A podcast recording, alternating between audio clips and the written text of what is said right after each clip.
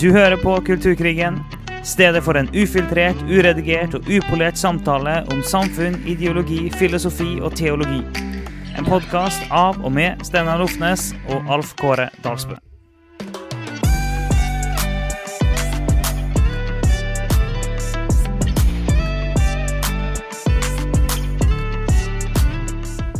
Det blir aldri bedre av at vi eh, driver og snakker oss gjennom på den måten.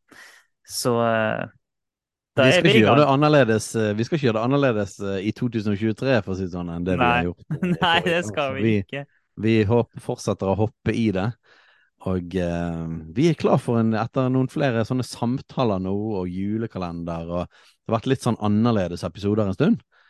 Så er vi litt sånn, litt sånn tilbake igjen til å gå litt sånn old school eh, Kulturkrigen-podkast, da. Med å Det- gå inn det- i ideologier. Det er ikke så lenge siden, men for vi hadde jo feminisme i desember. Det, var, det Ja, føles ut som det drukna litt i julekalenderen. kjempelenge siden. For de som ikke, for de som ikke la merke til feminismeepisodene, eh, så, så anbefaler vi å finne de, grave seg ned, eh, grave seg forbi alle julekalenderepisodene, og så finne to episoder om feminisme, for de som eh, ønsker å gå, eh, for, gå inn i forrige dype dykk på ideologi, da. Altså, Rent sånn strategisk så var det bare helt sikkert en skikkelig bommert av oss å kjøre dobbelt opp med både ordinære episoder og julekalender. Det Ja, ja. Det, det var bare vi som tenkte at det, det, det er gøyest å gjøre mest mulig. Så da gjorde vi det sånn. Det, det, sånn gjorde vi det. Men eh, nå har vi jo hatt noen ganger både julekalender, vi har snakket med forskjellige folk eh, om litt sånn åpnere tematikk og litt sånn annen dynamikk, men nå har vi litt å, å fokusere inn igjen mot noen emner, og nå er det tid for en av de mange tingene vi har sagt at det skal vi ta i framtiden. Eh, og nå er framtiden kommet, for nå skal vi snakke om rasisme og antirasisme, og eh, gå dypere inn i det, og helt spesifikt kritisk raseteori. Ja. CRT er jo gjerne en sånn forkortelse som vi, vi sikkert kommer til å bruke ubevisst. om, altså Critical Race Theory står det for. Vi kommer ikke til å si KRT. Eh, Så CRT er jo da eh, forkortelsen for kritisk raseteori.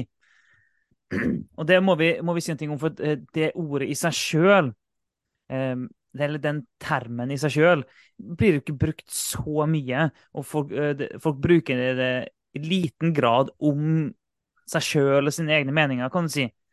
Men likevel, kritisk raseteori, det ser vi både blir brukt ubevisst og bevisst, og det påvirker eh, oss i Norge òg. Ikke bare i USA, det påvirker oss i Norge òg. Til og med her i Norge, sant? og som alle disse tingene, så får vi de via USA. Til og med det som har europeisk filosofiske røtter, kommer til oss via USA. Mm. Det har vi snakket om flere ganger, og, eh, og det, det gjelder jo kanskje dette mer enn noe annet, egentlig. Fordi at eh, det er ingen tvil om at kritisk raseteori er mer enn noe annet et nordamerikansk konsept, og det har en helt spesifikk historisk bakgrunn, et bakteppe, eh, som, som selvfølgelig handler om slaveriet i USA og kampen mot slaveriet, men òg diskriminerende rasistiske lover i USA, som var eh, langt, langt ut på 1900-tallet. Eh, så, så, så, så det har en helt sånn spesifikk bakteppe, men det er klart det kommer inn i Norge òg. Um, om ikke like kraftig gjerne som en del av de andre ideologiene, så ligger det under der og lurer og siver inn. Og kanskje spesielt gjennom populariteten til eh, Black Lives Matters-bevegelsen og George Floyd-drapet eh, og protestene rundt det, så er en del av denne bevegelsen og tankegodset òg begynt å snike seg litt inn i, inn i Norge. Så vi trenger å snakke om hva dette er for noen ting, og hva er et bibelsk svar på det. Det tror jeg vi gjør. Og siden du nevnte Black Lives Matter og George Floyd, vi skal gå mer inn på Black Lives Matter senere, tenker vi, så vi, vi går ikke, sannsynligvis ikke så langt inn på det nå. Men hvis du husker tilbake, du som hører på det her, eh, til den tida når eh, George Floyd ble drept i 2020, så var det jo eh, veldig mange som la ut på Instagram et, eh, og Facebook og andre sosiale medier, la ut et svart bilde, og så Black Lives Matter i teksten. og vi har jo nevnt det tidligere i podkasten, mener jeg, at uh, verken jeg eller du, Steinar, vi gjorde det. Mm. Og det, det var fordi vi, vi, eh, vi, vi forsto hva det her var for noe. Eh, Og da kan folk lure på hæ, hva, hva mener du nå? Men OK, eh, prøv å tenke tilbake på den tida der. Hvis du klarer å huske det. Følte du et press på at du måtte legge ut et sånt bilde? Det kan være at du følte at du, du, bare følte på at det var det riktige, det kan være. Men følte du at det var et press, en driv mot at alle må legge ut sånt bilde for å vise sin støtte? Eller for å snu på det. Hvis du, eh, hvis du, du kom over noen som ikke ville legge ut det bildet, hva tenkte du om dem da? Tenkte du at de da var ufølsomme, kanskje til og med litt rasistiske? Bare prøv å tenke tilbake med den tida der. på sånn, ok, hva, hva, hva ting var, Husker du fra den tida der? Og hvis du hadde noen sånne tanker, noen sånne følelser som jeg beskrev nå, så kan vi si at det er på grunn av kritisk raseteori. Det er grunnen til at, eh, at folk tenkte og følte sånn. Det er òg grunnen til, at eh, både jeg og Stein vi kjente jo på at sånn, her er det push til å legge ut det bildet. Det, var, det nesten ubehagelig å ikke legge det ut. Men vi vet at vi kan ikke bare bli med på denne ideologiseringa som skjer. Ja, og oi, oi, oi, dette er et utrolig vanskelig tema å snakke om. Fordi at det er så mange fallgruver og miner. Men det er så klart, vi har gått ut på minelagte veier eh, før, og vi har nå bare sprunget gjennom det og sprengt alle minene. så, så, så, vi skal klare å, snakke oss gjennom dette her òg. Um, åh, men jeg håper vi klarer å få fram noe av det som er så veldig utfordrende med den tematikken. Og det er det at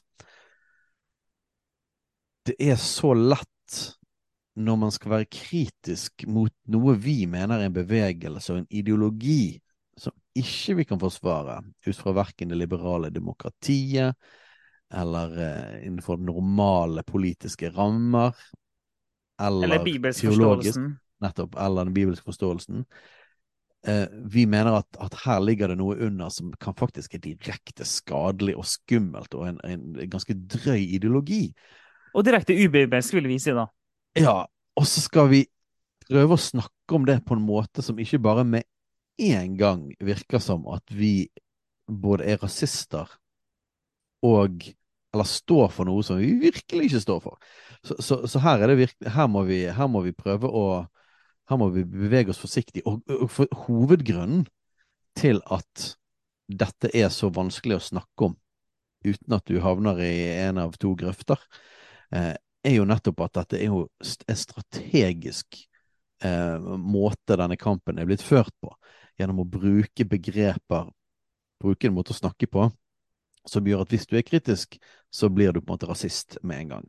Eh, det er jo en hersketeknikk, eh, og, det gjør det at eh, vi må bare be dere bli med på denne reisen, og la oss nøste opp i denne tankegangen og denne ideologien, og la oss prøve det ordentlig på Guds ord. Skal vi se om vi, om vi klarer å lande bra på beina. Ja, Vi skal prøve å snakke oss gjennom det og håpe da, som du sier, at vi lander, lander greit. Det tror vi at vi skal klare.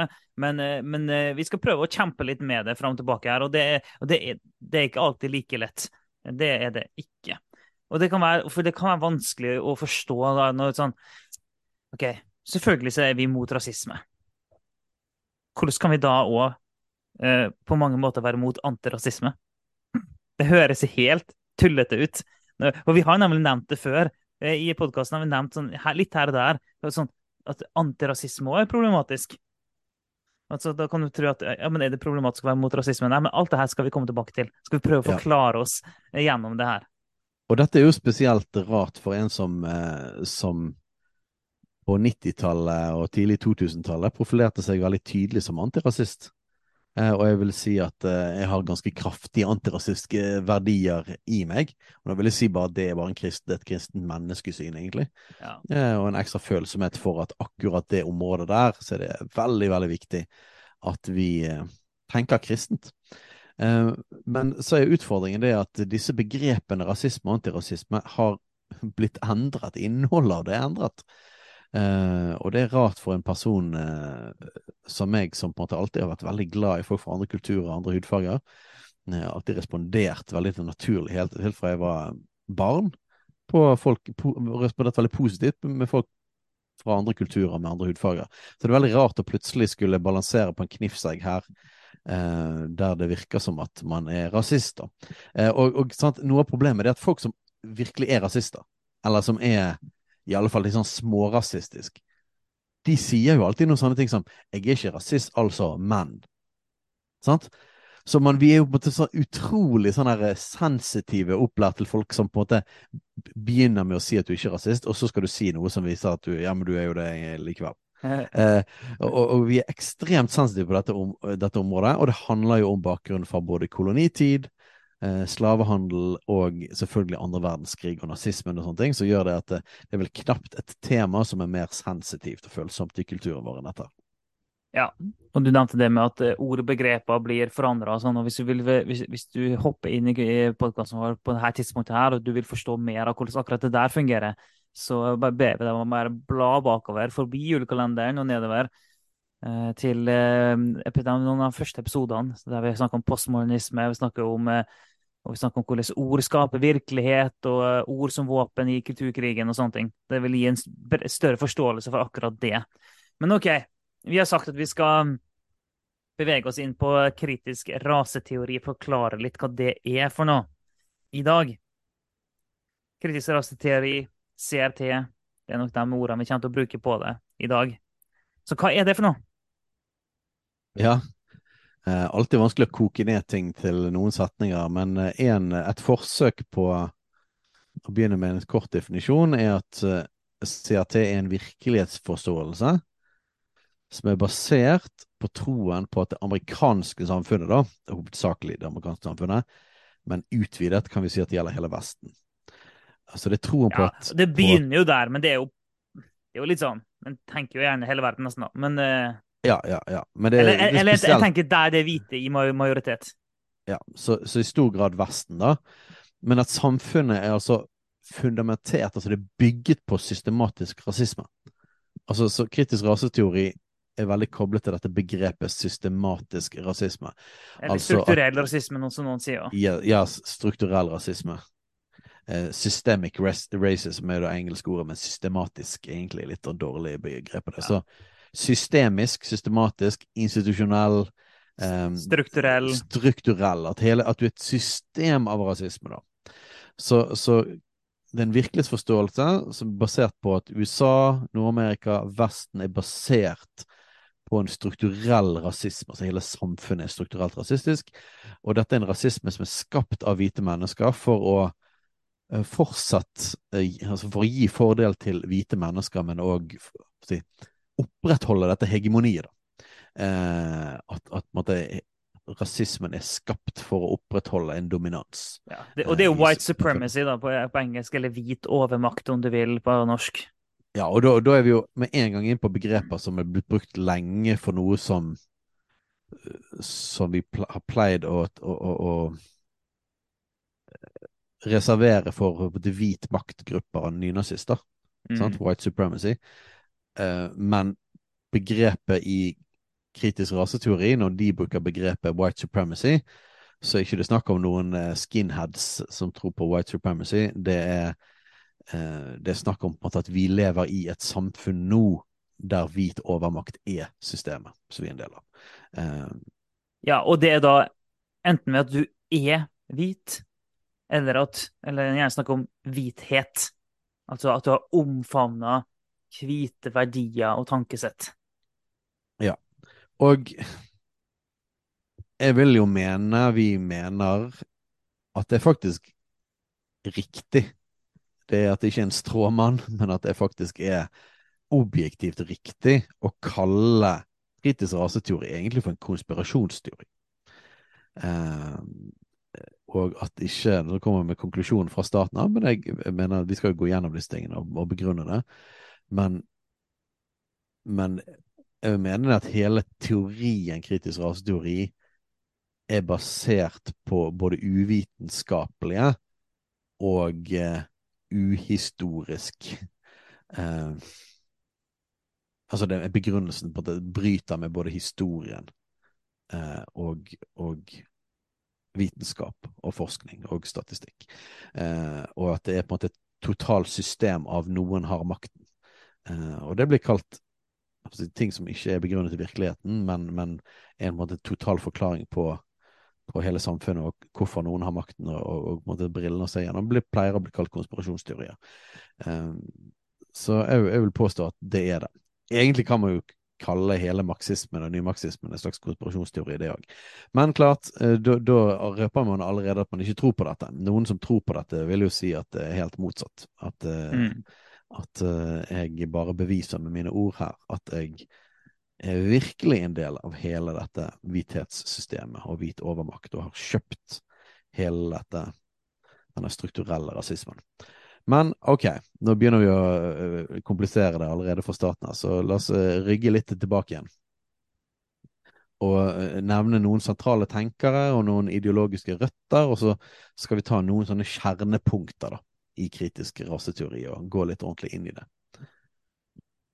Ja, og vi har jo vi har, det er jo en del folk her som vi tidligere har nevnt, også Kimberley Crenshaw eksempel, har vi nevnt tidligere i, i podkasten her, som er å si, nærmest skaperen av interseksjonalisme, sånn som det vi kjenner det i dag. Eh, Derek Bell er jo den som er kjent som mannen bak kritisk teori, gjerne i jussen først, og så har det spredt seg utover. Dermed har du fått kritisk raseteori. Eh, og så har du en del sånn Richard Delgado, Cherry Harris, eh, Charles Lawrence, Patricia Williams, Murray Matsuda, Alan Freeman, en del sånne folk som alle er viktige for som har vært premissleverandører, kan du si, på hvordan kritisk raseteori spiller seg ut i dag. Og, men skal du forstå kritisk raseteori, så er du nødt til å forstå både marxisme og nymarxisme.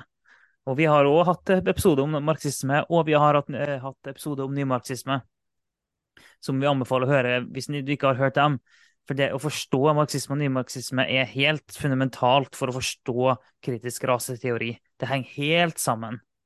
Ja, og hvis vi tenker litt opp på de episodene vi har hatt for å forklare litt av disse ideologiske strømningene som til sammen blir det vi kan kalle woke, eller, eller denne kulturelle revolusjonen som vi er midt oppi, eh, så er det en slags miks av marxisme, nymarxisme og postmodernisme.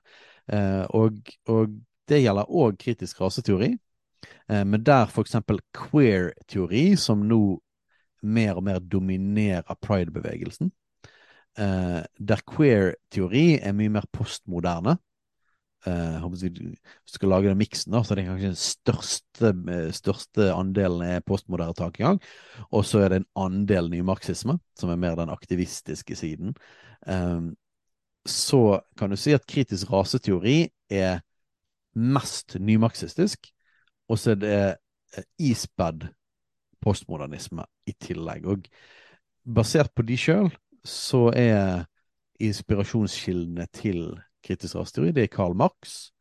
Eh, og så har du nymarxister da, som Max Horkheimer eh, og eh, Herbert Marcuse. Blir ikke nevnt her, men han er jo en av de viktige folkene òg. Så Karl Marx sjøl og nymarxistene er veldig viktige. Eh, du kan bare si at det, det går ikke an å snakke om nymarxisme uten å snakke om Marcuse. Nei, det går ikke an. Og, og det er en veldig sånn direkte link til uh, både Black Lives Matters og kritisk rasteori fra Markuse. Uh, så hør på uh, episoden om nymarxisme, for de som følger, ikke følger helt hva vi snakker om der. en som vi ikke har snakket så mye om, men som er ekstremt viktig òg, som er heter Antonio Gramsci, eller Gramsci, Gramsci. Gramsci har jeg prøvd å si. Gramsci, Gramsci italiener. Eh, Gramsci. eh, italiensk kommunist og blir regnet som eh, Hans, hans uh, marxistiske teorier, da, um, blir koblet med det vi kan kalle kulturell marxisme. Mm. Um, og et kontroversielt begrep som vi ikke har gått så mye inn i, men vi kommer nok til å snakke mer om Antonio Gramsci seinere. Um, men han blir altså nevnt av de sjøl som en av de viktige ideologiske måte, røttene eller fedrene til kritisk rasteori. Og Michel Foucault blir nevnt. Og der får du den, da, den postmoderne biten inn i, inn i, denne teorien, og det som har med analyse av makt og hierarkier og eh, ja, forskjellige maktteorier og, og dekonstruksjon er jo òg en ting som blir brukt, og da får du jo Derrida inni der. Så så det har en veldig sånn tydelig marxistisk og nymarxistisk og ispedd en postmoderne bakgrunn. Så kritisk rasteori går jo da veldig inn i forlengelsen av alle de tingene vi har snakket om i denne podkasten helt fra starten av. Så la oss snakke om noen kjernepunkter av hva i all verden dette er for noe. Der var jeg midt inne i en, en, en sånn tankegreie her, så det, jeg la ikke merke til at du stoppa å snakke. Ja, Så- greit, så- du kan jo bare fortsette. så, så, sånn er det av og til når vi skal spille inn. Men ja, du, du, du sa det med kjernepunkter, og det er jo mange kjernepunkter, da. Men, og vi har allerede nevnt det med, litt det med strukturell rasisme. Men, men jeg vil bare si én ting for å forstå eh, kritisk raseteori og koblinga med nymarxisme og marxisme. For der du har der har marxisme med overklassen med, mot arbeiderne, altså, og der du hadde undertrykker mot undertrykt, så har i, i kritisk raseteori så har kategoriene blitt bytta om. Så OK, du, du har i prinsippet fortsatt under, undertrykker undertrykt, det har du, men du har ikke overklassen, arbeiderklassen. På samme måte lenger, du, det- du, du har ikke overklassen mot arbeiderne. Du har hvit mot svart. Det er det du i praksis har. Det er Ja. sånn det har blitt bytta ut. Så det er fortsatt et ganske klassisk marxistisk tankesett sånn sett. Eller nymarxistisk, men og du kan, du kan gjerne snakke om ulike generasjoner av det, og noen snakker sånn her fjerdegenerasjons nymarxist og forskjellig sånn. men, men bare forstå det, da, med at OK, klassisk marxisme, overklassen mot arbeiderne, undertrykker undertrykt. Nymarxisme bringer inn identitetsgrupper der noen er over og noen er under. Kritisk raseteori bruker samme oppsett, bare at han setter hvit som, som eh, undertrykker, og svart som undertrykt. Og det, er sånn, det er derfor vi sier det at kritisk raseteori er bare moderne marxisme. Det er bare nymarxisme. Det er, en, det er et uttrykk for marxisme i dag. Og, og, og, og det er jo derfor vi begynte med kanskje første episode etter introen. Da gikk vi inn på marxisme, fordi at hele dette konseptet med undertrykker, undertrykt, det går gjennom alle disse her forskjellige greinene.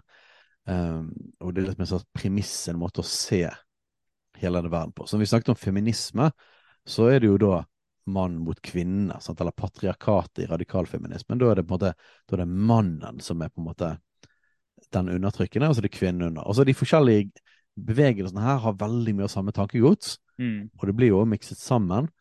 Men kan du si, de som da identifiserer seg som feminist hovedsakelig, eller radikalfeminist, da er på en måte hovedbrillene er det med kjønn.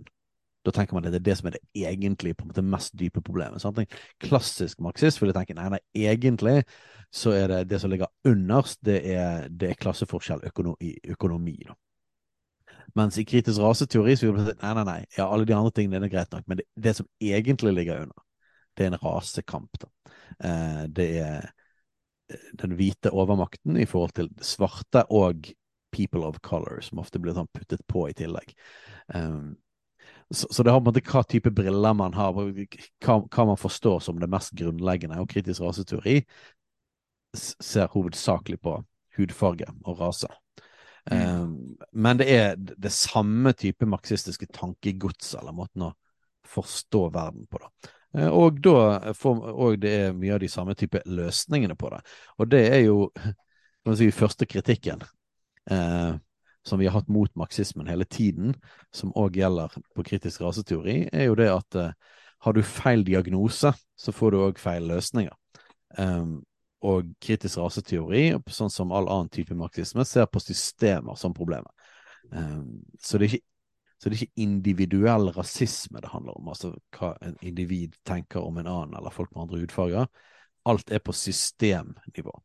Så vi lever altså i strukturell rasisme, et helt system, et helt samfunn som er gjennomsyret av dette. På samme måte som gamle marxister tenkte det at vi, kapitalismen er på en måte undertrykkelsen av de fattige, så tenker de nå at, at hvit overmakt er undertrykking av de svarte og de med andre farger. Det er sånn vi ser verden. Ja, Du nevnte det med feministene, sånn, for det er jo det nesten fascinerende hvor mye hvor likt ting er. da. Ok, der, der En god del feminister vil snakke om patriarkatet og snakke om det som en strukturell ting. det er en systemting. Ok, Så du har en form for strukturelt patriarkat. Men patriarkatet er jo strukturelt i, i, sin natur, kan du kalle det. Men det er, okay, så det er strukturelt, og det er en strukturell undertrykkelse av en annen, fra en gruppe mot en annen. Og igjen, i kritisk raseteori, du har strukturell rasisme nå. Og det er da en strukturell det er undertrykking av, fra én gruppe mot en annen. Og her, eh, så I patriarkatet, i feminismen, så er det da mann som undertrykker kvinne. Eh, I eh, kritisk raseteori så er det hvit som undertrykker svart. Og eh, for en del eh, i eh, Hva skal vi kalle det? Innenfor skeiv ideologi så er det da såkalt sistnormativ. Vi vil ikke si det engang. Bare sånn folk med helt vanlig seksualitet som da undertrykker alle som har en såkalt uh, skeiv seksualitet. Og du ser det her igjen og igjen og igjen. og igjen. Det er samme ja. måte å tenke på som går igjen. Og der er jo på en måte en av de store nøklene, eh, ordet som vi alltid kommer tilbake til, som folk må lære seg. rett og slett Skal man leve i 2023 i Vesten, så er det interseksjonalisme. For interseksjonalisme er nøkkelen som drar sammen alle disse forskjellige strømmene, alle disse bevegelsene av undertrykt, undertrykt, og lager et slags fullstendig system da, der alle disse tingene her passer sammen. Eh, så, men i kritisk rasteori så tar man eh, utgangspunkt altså i hudfarge.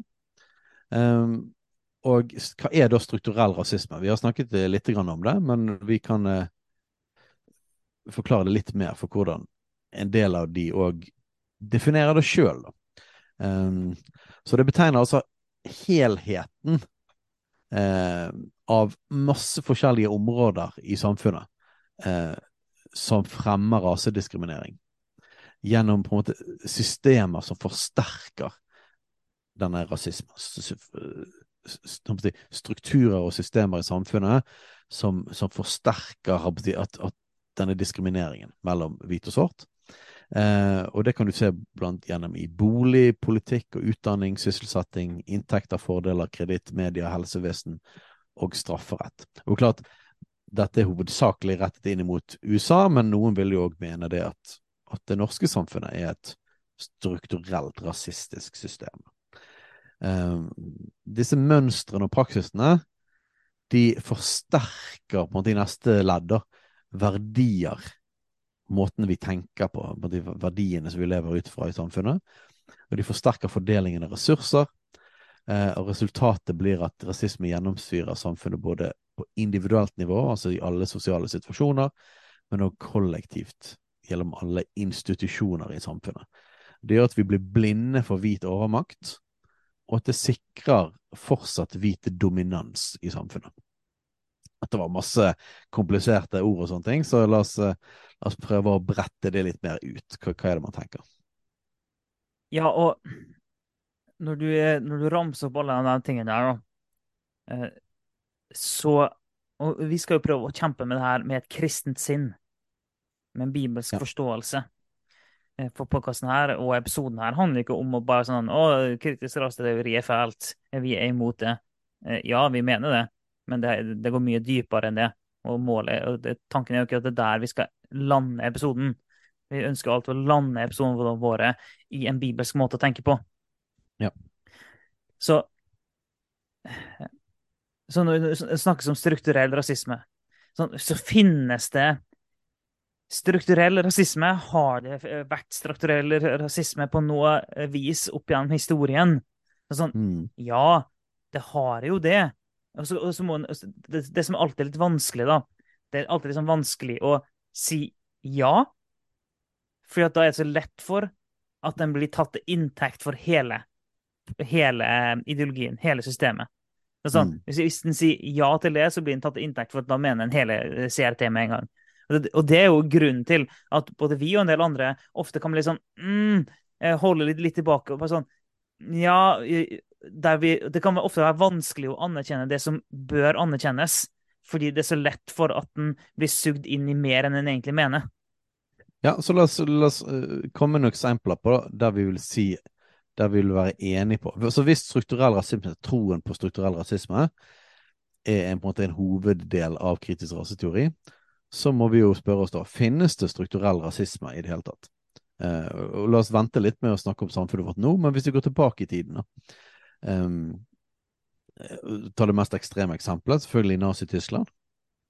Uh, var det en strukturell rasisme i Nazi-Tyskland? Ja, helt klart. Uh, for det var både lover som direkte diskriminerte, uh, gjorde forskjell på òg. Utdanningssystemet var gjennomført rasistisk. Altså, det barna lærte på skolen, var raseteorier med forskjell. At det var forskjell i verdi eh, på rasene. Så, så, de gikk gjennom utdanningssystemet. Eh, arbeidsmarkedet var da, påvirket av det. Eh, så du ville ikke ha samme rettigheter i forhold til jobb, så det var systematisk diskriminering eh, i, i, i, forhold til arbeid. Og sånn sett kan du gå gjennom egentlig alle deler av Nazi-Tyskland og det systemet. Så er det at ja, det var rasisme egentlig i alle deler av det samfunnet. Så det var et strukturelt rasistisk system med hvit overmakt. Den hvite ariske rase eh, var på topp. Eh, så, så, det er et eksempel på faktisk helt reell strukturell rasisme, og, og veldig sånn åpenbar rasisme. Ja da, og slaveriet i USA var jo òg det. Og, og segregeringslovene var jo òg det. Og apartheid i Sør-Afrika var jo òg det. Ja. Eh, helt klart et system, helt klart en strukturell rasisme. Og så vil jo da eh, noen som omfavner CRT mer enn det vi gjør, vil jo da gjerne si at ja, men det er ikke det som poenget. Poenget er de skjulte mekanismene, ikke de åpenbare. Det er det, det, det, vi snakker om når vi sier systemet, vil jo gjerne hevde, da. At det, ja. Som et motsvar til det vi sier nå. Ja, for de vil jo si det at så, som, som, en si, moderat eh, eh, Moderat politisk person som ligger litt sånn eh, mellom høyre og venstre i Norge, eh, så vil vi jo anerkjenne at det kan finnes undertrykkende systemer, men vi vil, vi vil peke på litt mer sånne åpenbare ting, som for eksempel lover. Eh, direkte diskriminerende lover, og vi kan se tilbake i det norske samfunnet. Tidligere så var det òg direkte diskriminerende lover eh, i Norge. Eh, I forhold, til, I forhold, til, både jøder og jesuitter og samer, romfolk, tatere, osv. Flere forskjellige grupper i Norge som var offisielt diskriminert eh, i Norge. Og vi har en, eh, en ikke, ikke, på det nivået som på en måte slaveriet i sørstaten i USA, men vi har likevel en vond historie i forhold til behandlingen av forskjellige grupper i Norge, og spesielt samene, som den største av de gruppene. Mm. Eh, I forhold til helt sånn systematisk forsøk på å avlære Det var en tvangsassimilering av ja. samene. Det var det jo. Både i forhold til språk og kulturer, forbud av forskjellige skikker, mm. eh, og helt sånn direkte diskriminering ja. av, av samer. Som òg førte til på en måte en kultur av rasisme i forhold til samer, og mm. ganske langt ut på i alle fall, tror jeg 80-tallet, så, så, fantes det altså boligannonser eller sånne søke, folk som søkte leieboere og sånne ting, som skrev helt sånn eksplisitt at de ikke ville ha samer. Mm. Eh, og det var en del av dette spesielt i Oslo. Um, så det var sånn helt eksplisitt, ikke bare i systemet da, for det, da var det nok ikke en strukturell diskriminering som på lovnivå i Norge, men det var fortsatt en del av kulturen eh, i Norge med diskriminering av samer. Ja, altså Så med strukturell rasisme så blir det litt sånn Som i julekalenderen vår så sa vi det ustanselig, nesten. Problemet er det går ideologi i det, sa vi. Og der ord og uttrykk det er sånn Ja, det finnes noen ting her, men det blir dratt så utrolig langt. Så ja. sånn, OK, strukturell rasisme. Ja, sånn som vi snakker om det nå, så mener vi at det er et reelt fenomen i den forstand at det har vært. Og kan det finnes steder? Ja, det kan det. På den måten sånn som vi snakker om det nå. Men måten det, det en Folk som omfavner kritisk raseteori og snakker om strukturell rasisme, snakker om mer, da. enn det vi snakker om her. Og de snakker jo om det på en måte som at det er sånn totalt gjennomgripende i hele systemet, på en sånn måte at hele systemet må forkastes. Klassisk marxisme. Eh, Det er jo sånn det gjerne snakkes om. Og, og, du får det her problemet også da med at, at alt Det blir en sånn total forklaringsmodell der alt kan forklares i strukturell rasisme. I såkalt strukturell rasisme. For eksempel OK. Eh, hvis den finner Nå bare finner jeg opp noe. Hvis en finner at svarte tjener mindre enn hvite, OK, da er det strukturell rasisme. Punktum. En, en trenger ikke å gå inn og, og se på hvorfor, prøve å finne ut årsaker sånn. Det er rasisme. Det er litt sånn når feministene bare automatisk sånn Oi, menn tjener mer enn kvinner. Det er, det er patriarkatet, det er undertrykkelse, det er diskriminering. Punktum. Uten å gå videre inn i det. Ok. Sånn, eller hvis du ser på, på skolen, eller i ulike bydeler, da, for eksempel. Ulike bydeler som har høyere innvandrerandel, for eksempel. Så ser du at karaktersnittet er lavere der. Det er sånne ting som vi vet vi, vi kan se visse steder. Med denne forklaringsmodellen så er det sånn, ja, men da er det strukturell rasisme. Punktum. Det er ikke, altså, En går ikke mer inn i det. Og så går en inn i det, så vet vi at det finnes nyanser. Og du har eh, mange årsaker til at ting blir som det blir. Du har veldig mange årsaker til at ting blir som det blir. Men strukturell rasisme blir en sånn total forklaringsmodell. Hver eneste gang en finner den minste antydning til ulikhet. Ja, og, det blir, og, og dette går gjennom alle disse her eh, strømmene. Eh, alle disse variantene av den ideologien som sporer tilbake igjen til marxistisk tankegang. Og det er dette med at ulikhet er et bevis på diskriminering. Uh, og, og det, den er nesten som at uh, man skulle gjort en egen episode bare på den, fordi den føler jeg er Den måten å tenke på preger vår kultur, faktisk. Mm. Masse. Så du kan komme med statistikk på ulikhet, og den første altså instinktet til veldig mange da, er det at det er et bevis på diskriminering. Uh, problemet er at det er en altfor enkel forklaringsmodell. Eh, og verden er som oftest mye mer komplisert og nyansert og sammensatt eh, enn det. Og, og, og nok en gang er problemet hvis diagnosen er feil, så blir løsningen feil. Så eh, som en kristen, da, eh, så føler vi at vi, man, man trykker på feil problem. Um, hvis man hele tiden ser etter system og strukturell rasisme, uh, spesielt i et samfunn der vi har kommet en del videre fra dette. Uh, vi har fjernet det fra lovverk. Vi har uh, jobbet med dette i, i, utdanningssystemet. Vi er blitt lært opp på en helt annen måte. til si, en liberal måte å tenke på. eller noe som er mer preget av kristne verdier. for når vi kommer til teologien på disse tingene, så kan vi se det at vi har eh, sterke, gode argumenter fra, fra Guds ord, fra Bibelen, eh, til å snakke om likhet og rettferdig behandling av folk med forskjellige hudfarger. Men, men når vi i dette samfunnet, der det har vært elementer av strukturell rasisme, er kommet videre for det, endret lover og sånne ting, eh, og man fortsatt ser at det er ulikheter, så er det veldig enkelt for folk å hoppe inn i den forklaringsmodellen at den ulikheten er et bevis på diskriminering. Og så finnes det veldig ofte mer kompliserte grunner. Så la oss gå tilbake igjen til USA, da, som er på en måte utgangspunktet for dette. Eh, og se litt mer på dette med strukturell rasisme, og hva kan være riktig, og hva, hva tror vi er feil. En feil forklaringsmodell. Um, la oss ta den med en gang. Det har vært strukturell rasisme i USA. Helt klart. Det har vært en del av systemet. Slaveriet er en, en, stor del og en svart flekk på, på USA og hele Vestens historie. Eh, har det fått konsekvenser som fører òg til ulikhet fortsatt i 2023? Mm. Ja, skal jeg svare kort på det, så tror jeg helt klart det. Mm. Jeg tror helt klart at slaveriet har satt den svarte befolkningen i en vanskeligere situasjon Mm. enn veldig mange andre grupper. Nå skal vi huske det, at, at å dele verden inn i hvit og svart, det er en ekstrem forenkling. Ja. Eh, slavene ble på en måte mikset sammen til én slags etnisitet gjennom slaveriet. Men de kom jo egentlig fra veldig mange forskjellige folkegrupper og forskjellige kulturer i Afrika.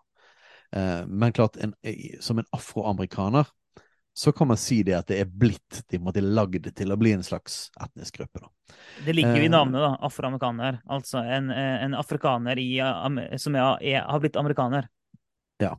Uh, og de er på en måte blitt mikset sammen og fått en egen kultur pga. en helt spesiell historie.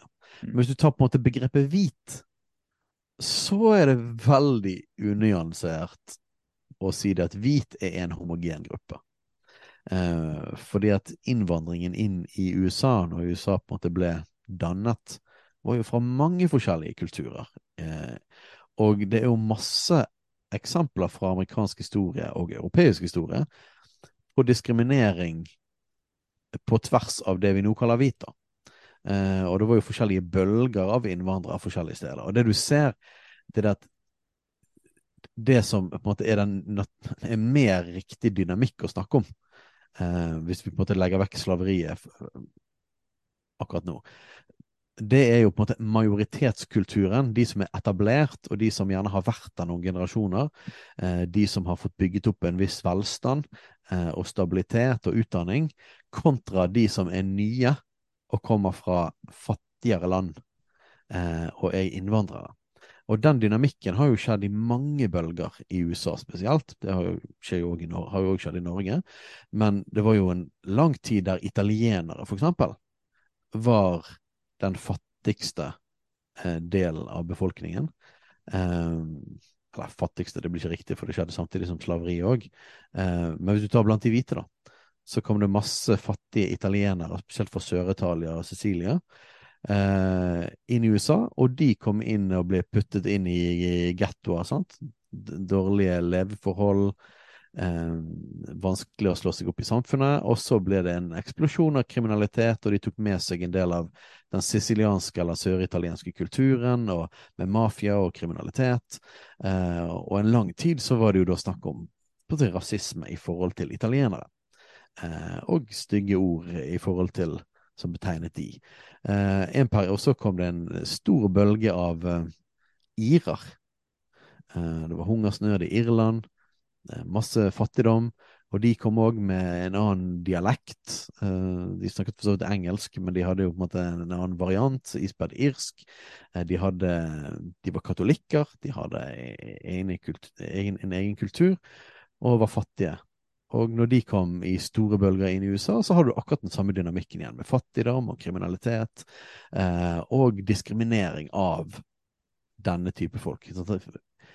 Fra folk som fra majoritetskulturen. Mens nå så har disse vært eh, mange, mange generasjoner lenger i USA, og er på en måte bare blitt mikset sammen til det vi kan kalle hvit. Eh, jeg, nevner de tingene bare for å si at vi skal være skeptiske til bare hele kategorien hvit.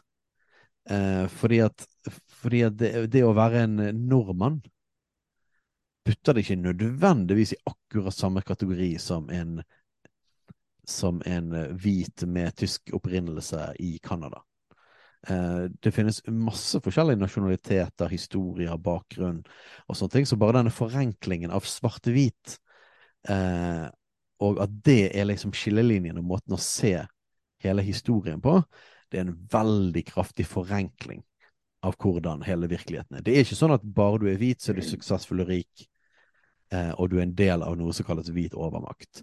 Um, etnisitet og språk og kultur og eh, fattigdom og kriminalitet er betydelig mer komplisert enn som så.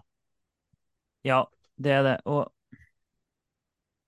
når vi skal altså I kritisk raseteori så blir rase gjort til eh, det altomfattende, til det totalt dominerende, til det definerende, til det avgjørende.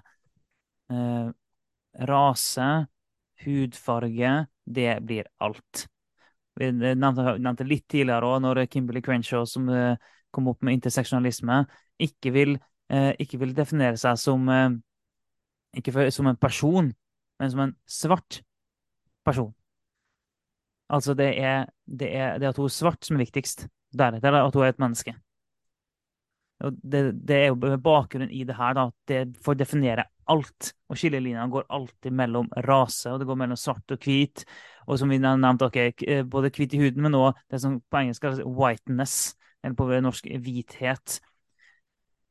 og der det blir sånn uh, ting som vi gjerne har sett på som klassiske verdier for uh, i Vesten, eller til og med noe mer sånn ob objektivitet. Da er jo Jeg håper å si objektive ting, men, men objektivitet i seg sjøl blir jo ansett som hvit.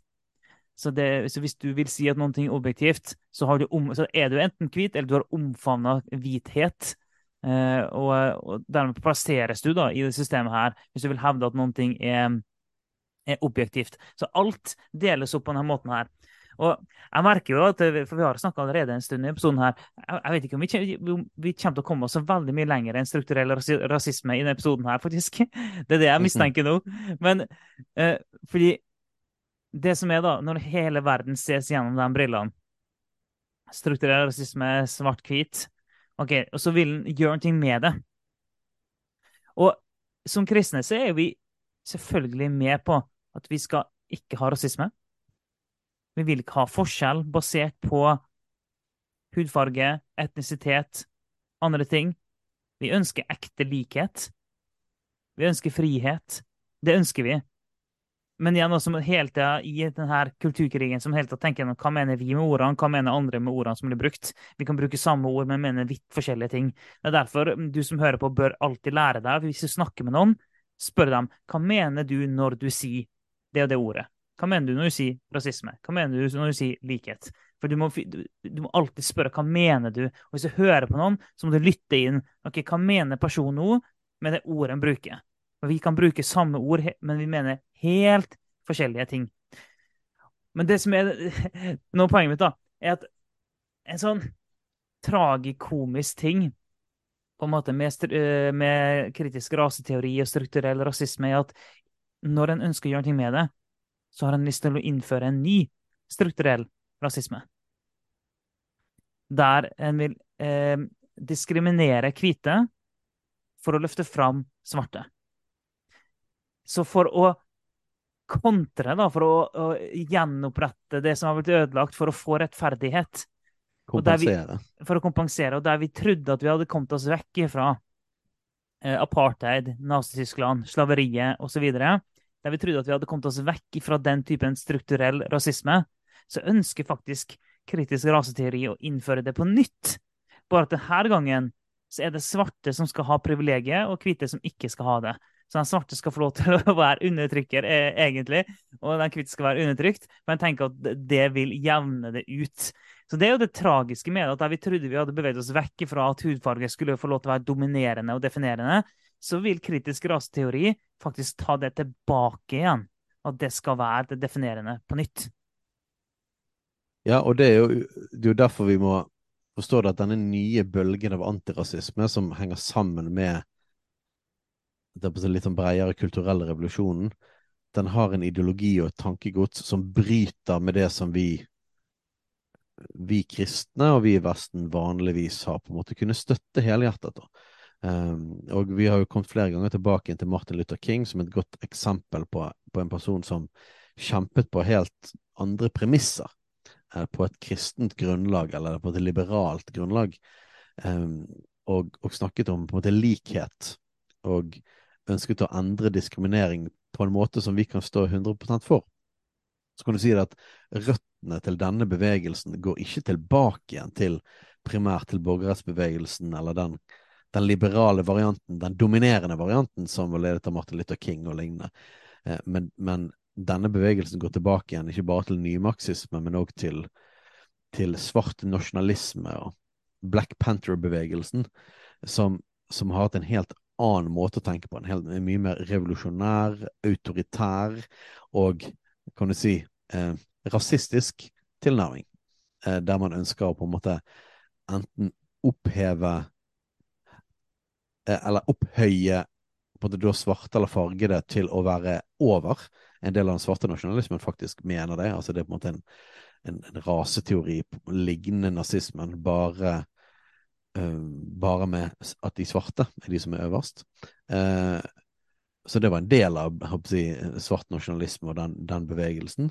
Uh, og de som ikke gikk så langt, vil iallfall si det at du må, skal iallfall strukturelt diskriminere sånn at man får reell likhet. Eh, sånn at det blir veid opp igjen. Eh, så at rasediskriminering andre veien. Eh, og dette var en del av, av hele den kampen helt tilbake fra 60-tallet, men det var heldigvis ikke den strømmen som fikk mm. eh, som på en måte vant over, og som fikk, fikk innflytelse i samfunnet. Men når vi snakker om raseteori, kritisk raseteori nå, og, og hele woke-bevegelsen og sånne ting, så er det jo på en måte den flowen som, som Den måten å tenke på Uh, som, som, dette er mye mer preget av.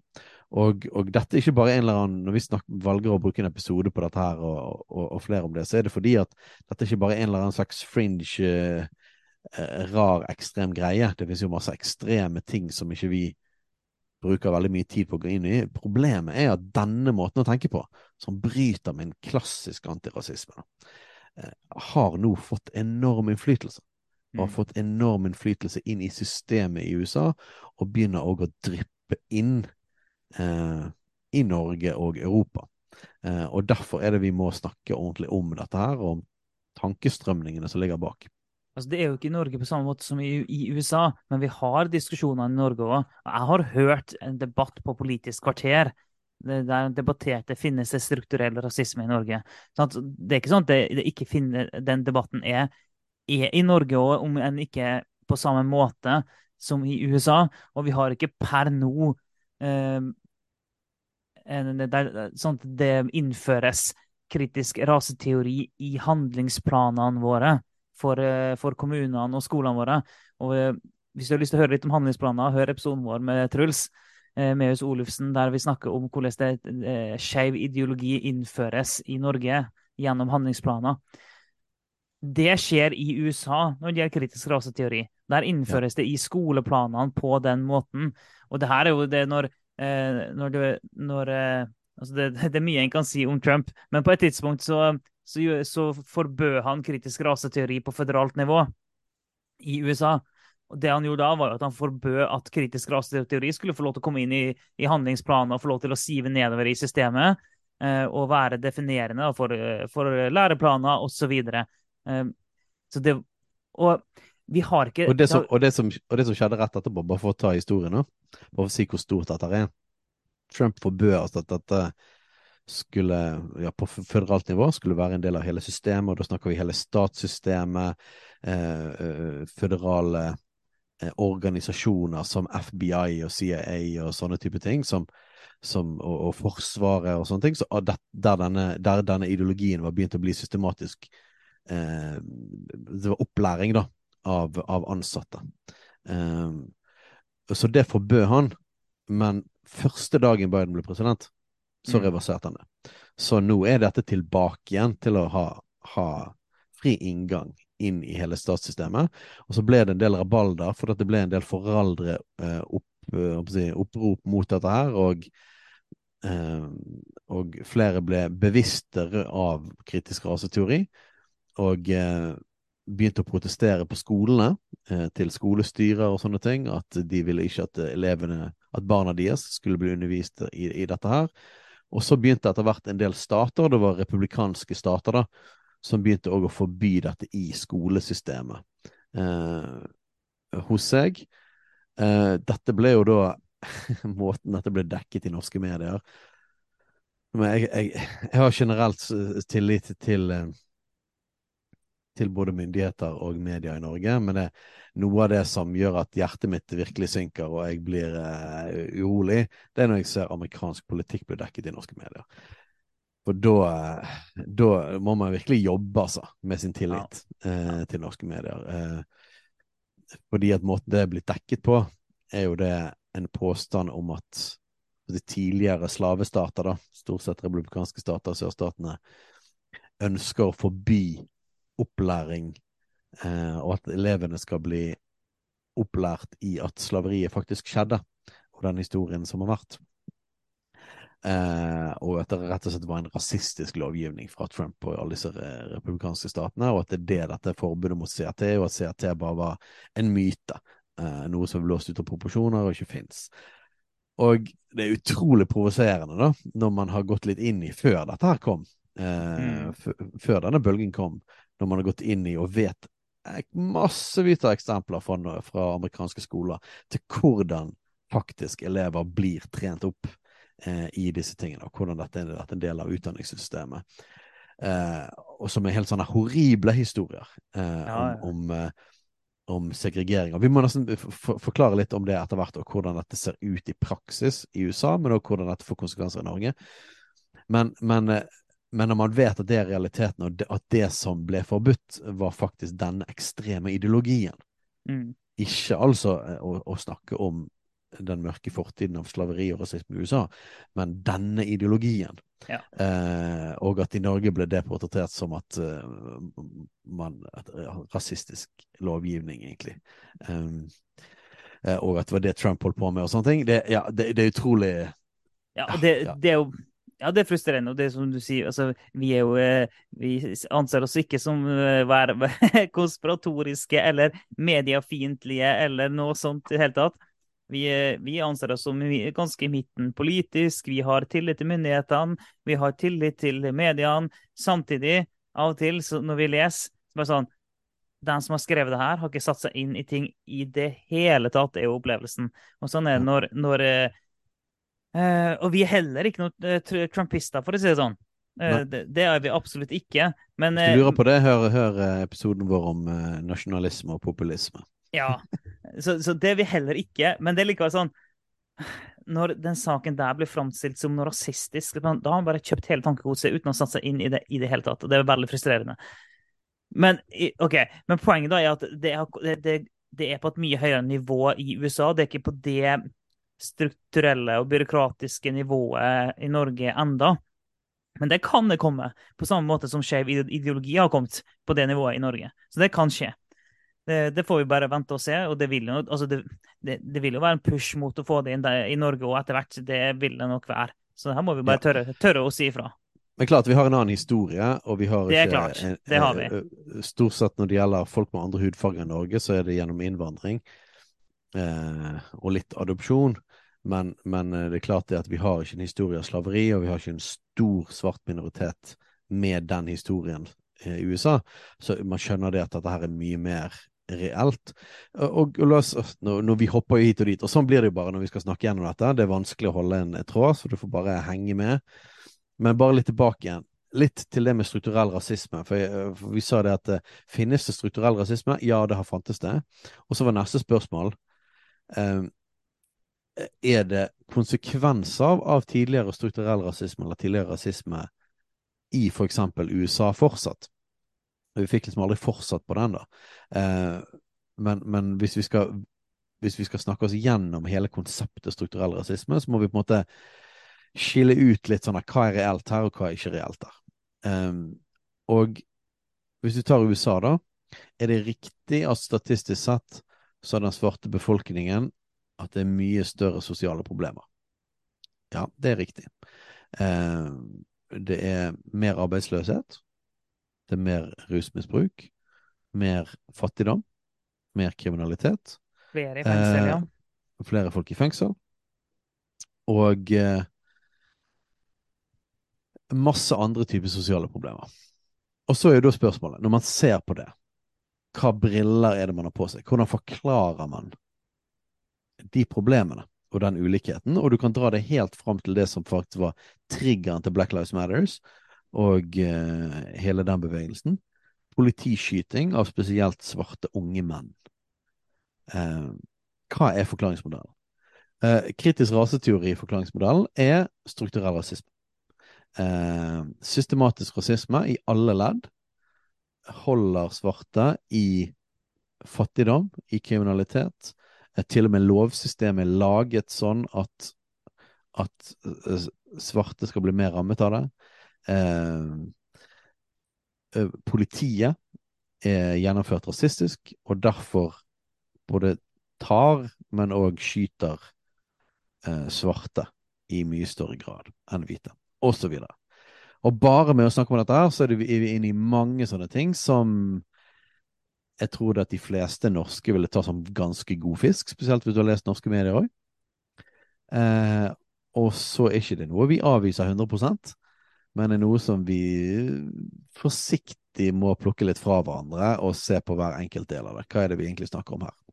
Ja, og målet vårt er jo ikke da å bare argumentere mot som vi har så mange av, bare argumentere mot uh, CRT eller strukturell rasisme og si nei, det der er feil for, på grunn av sånn og sånn og sånn. Det kan vi fint gjøre, men det er jo hele tida OK, det her er det som blir sagt. Hvordan skal vi tenke? Selvfølgelig skal vi alltid søke sannheten, og hvis det der er opplagt feil, så må vi holde fast på det. Vi, vi, vi holder fast på objektiviteten, selv om noen vil si at det er en hvit verdi, og at vi, er, vi fronter hvit overmakt ved å hevde at noen ting er objektivt. Men det får være en egen sak. Men og bare ta for eksempel politiskytinga, da. Jeg tror mange i Norge vil tenke at det, det er et problem, det er ikke det jeg mener. Men det er definitivt et problem alltid, hver gang. Og det kan godt være at det finnes rasistiske politimenn, absolutt. Men, ja, så, men, sannsynligvis. Sannsynligvis, ja, ja, selvfølgelig. Eh, og det er et problem overalt hvor det skjer, og for så vidt eh, alle som blir skutt, er et problem. Men det finnes og, det har, og det skal sies òg, det har vært en helt reell historie av rasisme eh, i amerikansk politi. Ja. Eh, og, og pga. Jim Crow-lovene, altså diskriminerende lover som var i USA, så var det jo en helt eh, Det finnes en historie av rasisme i amerikansk politi. Det gjør det. det gjør det. Og av poenget mitt her nå, da, er det For det er både det med at uh, Ser en på statistikken, så ser en at det er ikke sånn svarte er, er, egentlig kommer verre ut i forhold til hvem som blir skutt, enn hvite. Men det blir fronta mye mer. Det er jo én ting. Men så det er en del sånne nyanser en må ha med seg. Altså må nå ha med seg noen sånne nyanser som at eh, å være politi i USA er veldig mye verre enn å være politi i Norge. For at hele samfunnet er så mye mer militarisert. Det er helt enormt mye mer våpen. Sannsynligheten for at du blir skutt mot som politi i USA er mange mange, mange, mange ganger større enn som politi i Norge. Det er rett og slett skikkelig farlig å være politi i USA. Derfor er de mye mer trigger-happy, for å bruke et dårlig begrep. Men, men, det er ikke bare at politiet er trigger-happy, de blir faktisk skutt mot oftere. Det, det er en del sånne nyanser inni her som vi må huske på. Ja. Det hadde men, vært interessant å bare ta, ta noen av du bare holder den takken på det du ville si, da. Bare litt sånn litt sånne fakta når jeg, jeg har hørt på folk snakke om det. Eh, Visstnok, her må man selvfølgelig sjekke kildene, men her er det bare for å problematisere det narrativet som vi hører i norske medier. Bare for å vite her finnes andre nyanser som var, var viktig å ta inn. Det som jeg har forstått fra svarte moderate som snakker om disse tingene. Jeg må innrømme det, at jeg prøver ikke å være altfor rasebevisst, men jeg har mest tillit til svarte liberale, moderate liberale. Når det gjelder å snakke om akkurat dette tematikken, og for å sikre oss helt at vi ikke snakker om at det er noe redneck, eh, hvit, rasistisk utgangspunkt. Så svarte, moderate liberalere eh, som går inn i denne problematikken, og jeg har hørt flere av de, sier det at statistikken er tydelig på at i situasjoner der politiet kommer i nærkontakt med noen med våpen, Altså at, at, eh, det blir en konfrontasjon mellom en bevæpnet, og gjerne da kriminell, eh, så er det flere hvite som blir skutt enn svarte, i prosent. Eh, så prosentmessig må man holde tunge rett i munnen, for så skal man forstå disse tingene. Når et politimann amerikansk politi kommer i kontakt med en kriminell eller en voldelig eller en bevæpnet, så er det større sannsynlighet for at en hvite, en hvit kriminell med våpen blir skutt, enn en svart blir skutt.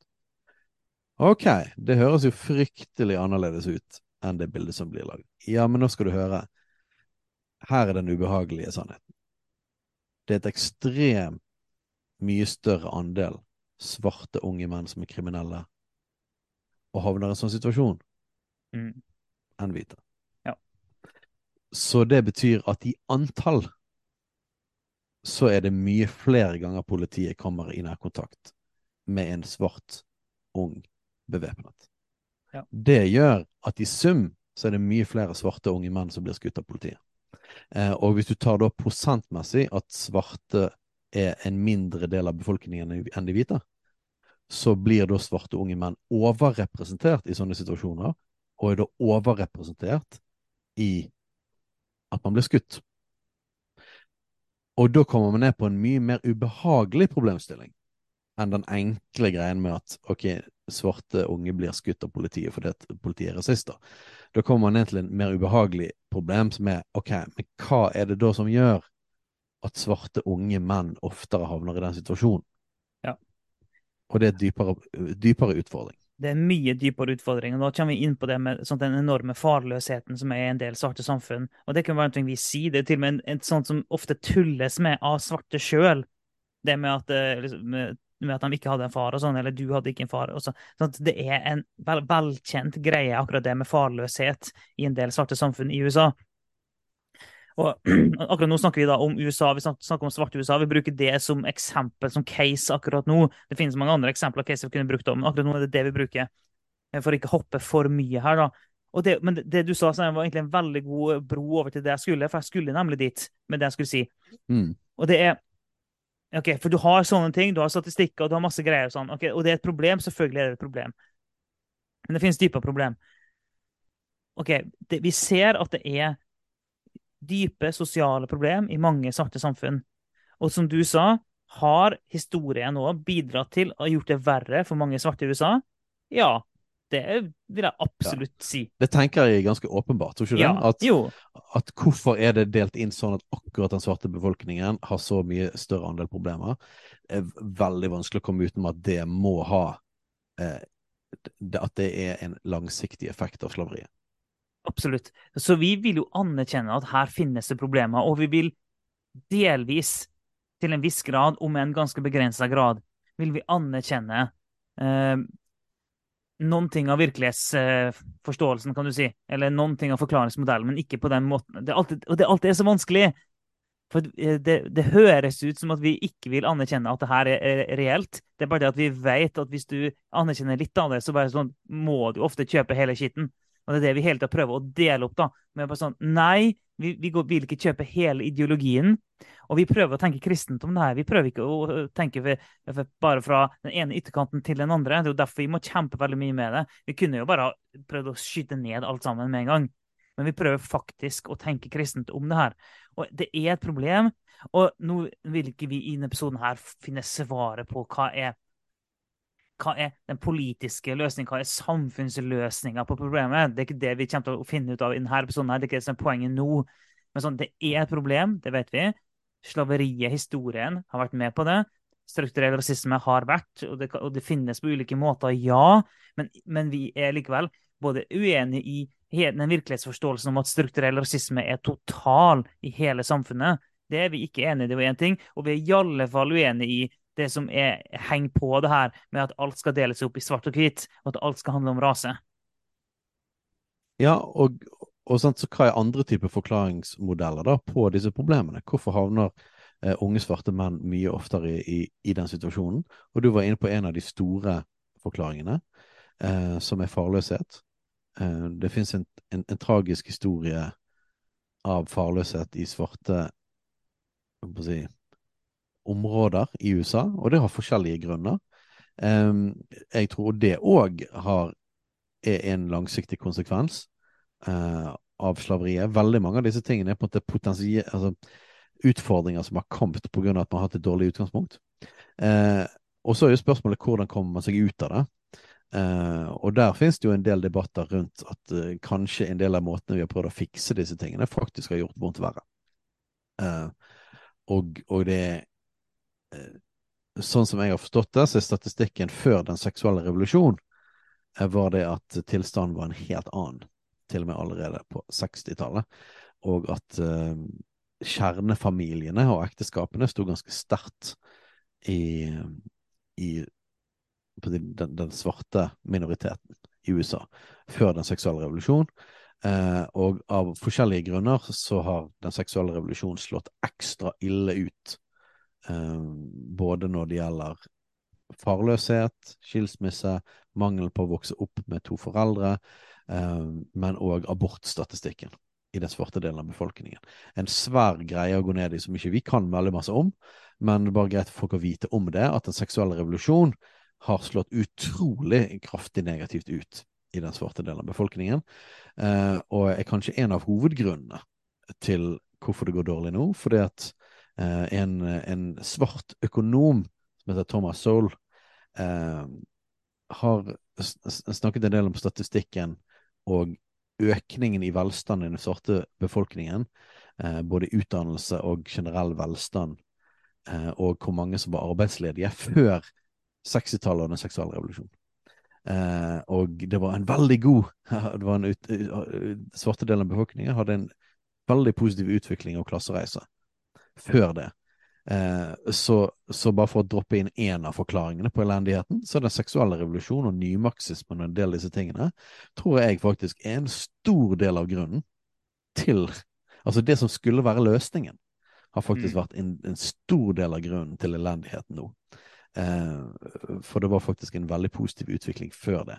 Men farløsheten er et kjempeproblem, og det ser vi ikke bare i den svarte befolkningen i USA, men du ser det i alle kulturer, ja, alle ja. steder i verden ja, der du får en mangel på far, og du vokser opp uten far, så ser vi at spesielt blant unge menn så er det en enormt problem med kriminalitet. Og nok en gang går du i norske fengsler, så har du akkurat samme utfordringen.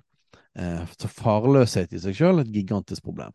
Og det er mye lettere på å si nei, det er strukturell rasisme. Hva med farløshet? Utfordringen med at man kan ikke snakke om det farløshet, for da må man snakke om kjernefamilien. Da må man snakke om betydningen av eh, forskjellen på mann og kvinne. Da må man snakke om sex utenfor ekteskapet. Da må man snakke om problemet med, med abort og seksuell uh, umoral og sånne ting som det. Og det vil man ikke. For det, det, det, er, det er, tabu i vår kultur. Uh, andre, ja. andre, ting er jo bare det som har med fattigdom generelt, og det å vokse opp i et område med fattigdom, med arbeidsledighet, med kriminalitet. Og det er klart det at historien har mye å si i forhold til det at det har blitt mange fattige um, områder med svarte. Uh, men det er klart det at det å vokse opp et sånt sted, vet vi, helt uavhengig av hudfarge, skaper uh, generasjoner av problemer. Uh, og at det kan være utrolig vanskelig å komme seg ut av det. Så en måte å tenke på og en, en, en, en kultur av av fattigdom og kriminalitet er kjempevanskelig. Det ble jo snakket om i forhold til israelsfolket når de ble, kom ut av Egypt, at det tok eh, at det tok eh, egentlig bare 40 dager å få Israel ut av Egypt, ut av slaveriet, sånn strukturelt sett. da. Mm. Men det tok 40 år å få slaveriet ut av Israel. Altså ut av mm. eh, slavementaliteten ut av israelsfolket. Og at det faktisk måtte en ny generasjon til før de kom inn i det lovede land.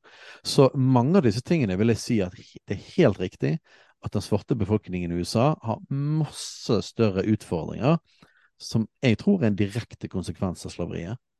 Eh, men nå ikke lenger handler om at det er strukturen hovedsakelig, så holder folk nede men at det er mye av tankegang, farløshet, fattigdom, arbeidsledighet, kriminalitet som holder folk, veldig mange, fanget i et system som, som, er utrolig vanskelig å komme seg ut av, og som jeg tror at vi, altså, som er veldig viktig av å jobbe med. Men det handler ikke først og fremst om abolish uh, the police, uh, eller at det hovedsakelig handler om hvor trigger-happy amerikanske politifolk er, selv om det med våpen er en stor, stor, utfordring. Men da driver vi med symptombehandling istedenfor å snakke om de virkelig vanskelige problemene. Hvordan hjelper du en befolkningsgruppe ut av fattigdom? Hvordan hjelper du folk inn i utdanning? Hvordan får du folk ut av dette systemet av farløshet og kriminalitet? Um, og heldigvis så er, det en, så er det en økende uh, svart middelklasse i USA. Uh, som jeg tror jo er virkelig noe av håpet. Um, men, men Uten at vi skal komme med alle løsningene på problemene, så slenger vi ut disse tingene for å hjelpe folk å tenke bredere eh, enn de enkle forklaringsmodellene som f.eks. kritisk raseteori kommer med.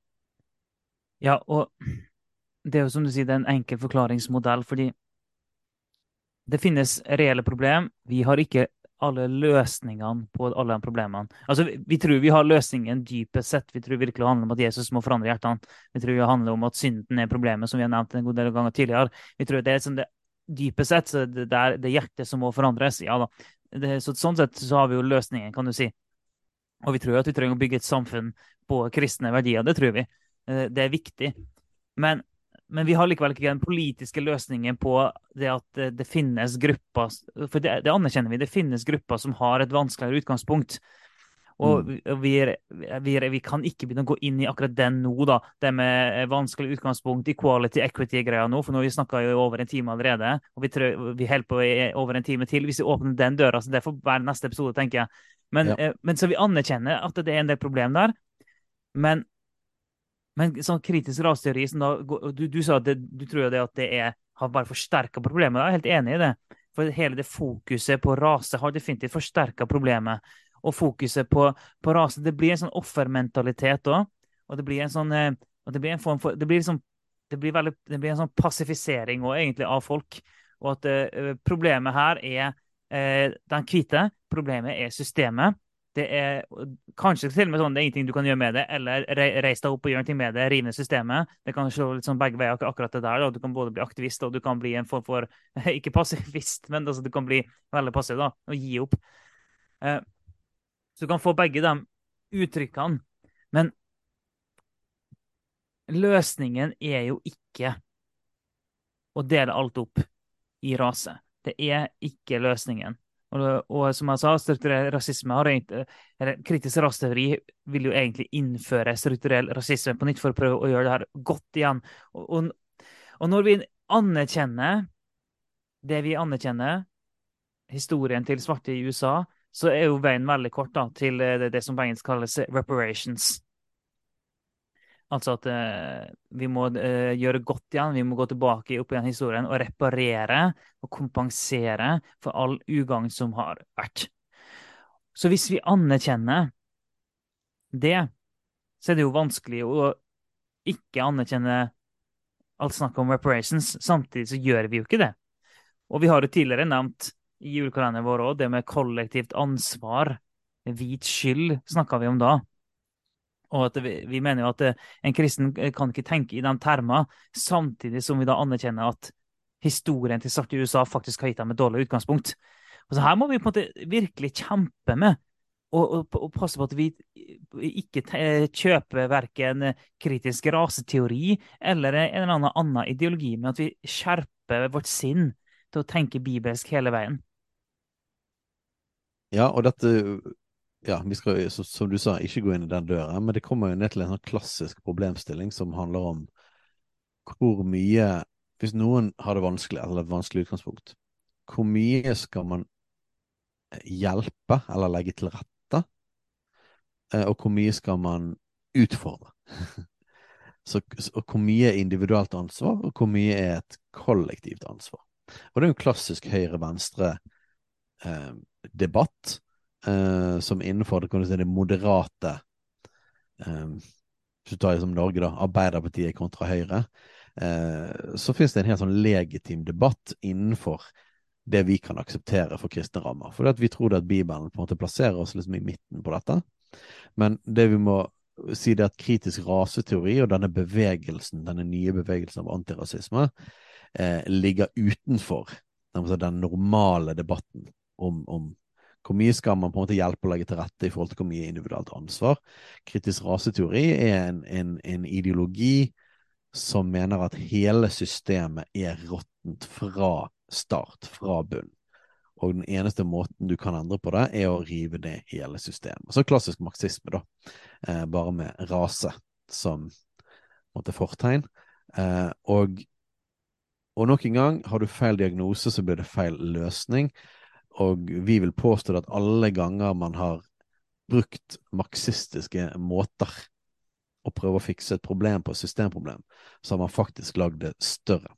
Eh, og kritisk raseteori står nå i fare for å være en slags ny type rasisme. Um, og eh, kanskje vi skal nevne litt av det. Vi er jo, jeg føler vi er litt all over the place, men det er fordi det er et stort og vanskelig tema. Um, men, men, vi kan jo nevne noen eksempler på på hvordan dette blir praktisert. Altså hvordan blir kritisk raseteori praktisert i skoleverket, hvordan ser det ut i forskjellige organisasjoner, og hva er det som gjør dette så problematisk eh, fra en kristen synsvinkel? Eh, vi kunne kanskje nevnt litt grann sånne ting. Ja, altså, vi har historier fra der grunnen til at det har blitt en sånn eh, en, si, en grasrotbevegelse, en motbevegelse mot det i USA. Det er for vi har jo historier, helt ekte, konkrete historier, der elever i amerikansk skole har blitt bedt om å eh, dekonstruere sin identitet, og blitt bedt om å eh, legge fram eh, alle de privilegiene de har, og, og sånn at de kan ta avstand fra det. Og sånn at de kan ta avstand fra sin hvithet. Det har skjedd helt ned i sånn tredje klasse. Eh, altså, ja, hva, om tredjeklasse vil si nøyaktig samme i USA, det er jeg litt usikker på. I Norge vil jo tredjeklasse si åtte år, eh, men det er jo rundt den alderen i USA òg, da. Det er det jo. Sånn, sånn, ned i sju, åtte, ni års alderen så blir de bedt om, og de får, eh, får hamra inn i hodet sitt at fordi de er hvite, så er de en eh, undertrykker, og de må legge av seg sin hvithet. Eh, sånne ting. Sånne eksempler finnes det helt reelt fra skolevesenet i USA. Ja, det er, ganske, mye av det, og det, var, det har vært en bevegelse i mange år nå av, å På samme måte Du kan egentlig sammenligne det med rosa kompetanse og måten disse tingene blir gjort i Norge på, ja, på det som har med seksualitet å gjøre. At det finnes masse organisasjoner og folk som reiser rundt og har foredrag.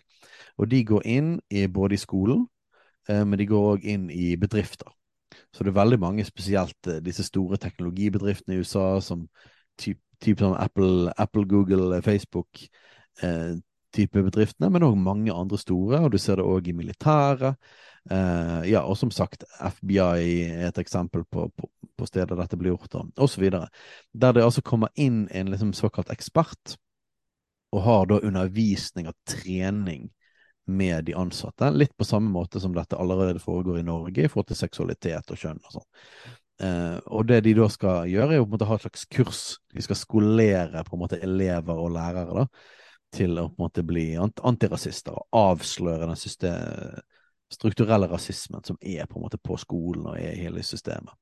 Eh, og da underviser de kritisk raseteori, eh, hovedpunktene rundt disse tingene. Eh, og så er jo så gjerne en sånn fast ting som, som skjer i disse her sesjonene, er det at man, man segregerer. Man putter alle eh, svarte og people of color eh, i egne i grupper, i egne klasserom, der de skal fortelle om deres erfaringer, deres levde erfaring av diskriminering.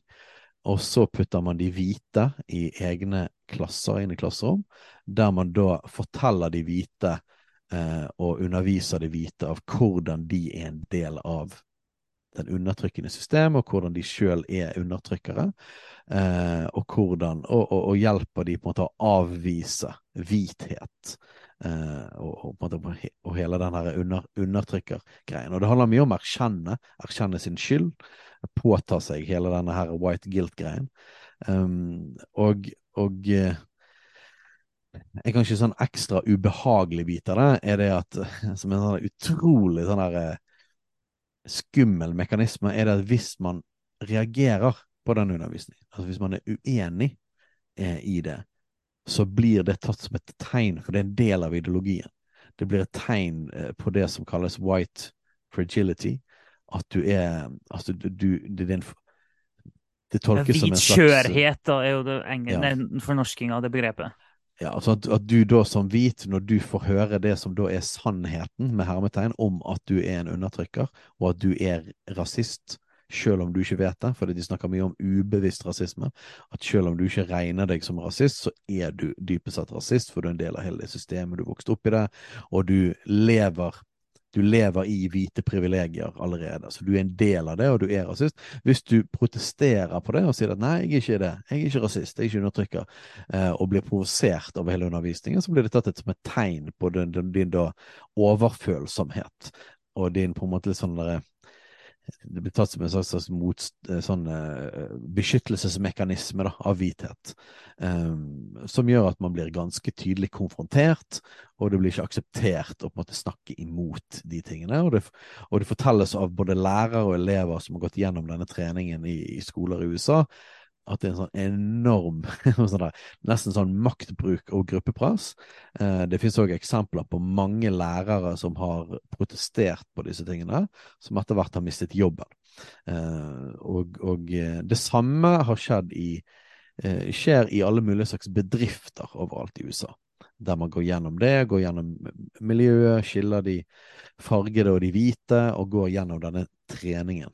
Um, og, så det er en av de måte, sånn praktiske konsekvensene av kritisk raseteori, og var en av de tingene som da ble forbudt og begynt å bli forbudt i en del stater, at disse tingene blir Disse sesjonene og kursingen um, ikke skal være lov lenger, da, uh, i visse stater. Men dette er stort om, utbredt rundt omkring i hele USA.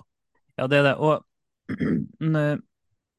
En ting er at vi vi er jo uenig i det som håper jeg, forkynnes. Det som læres, det er jo én ting. At vi er fundamentalt uenig i det. så Vi ønsker ikke at det skal læres i skolen. Det er jo én ting.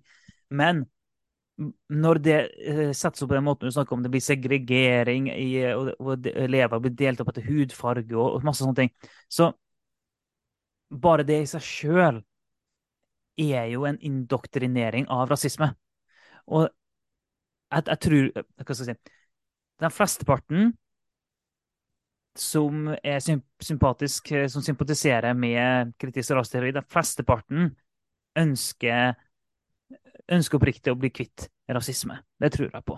Jeg tror, mm. eh, jeg, ikke bare tror, jeg vet, vi vet at det finnes noen som er veldig radikale og aktivistiske, som, og, og, både nasjonalistisk og um, separatistisk òg, som faktisk mener at svart rase står over og eh, er rasistisk overfor alle andre. Det finnes noen av dem. Det er ikke flertallet, selvfølgelig. Men det finnes noen av dem, det gjør det. Men flertallet er nok sånn eh, halvbevisst og har kjøpt eh, ideologien.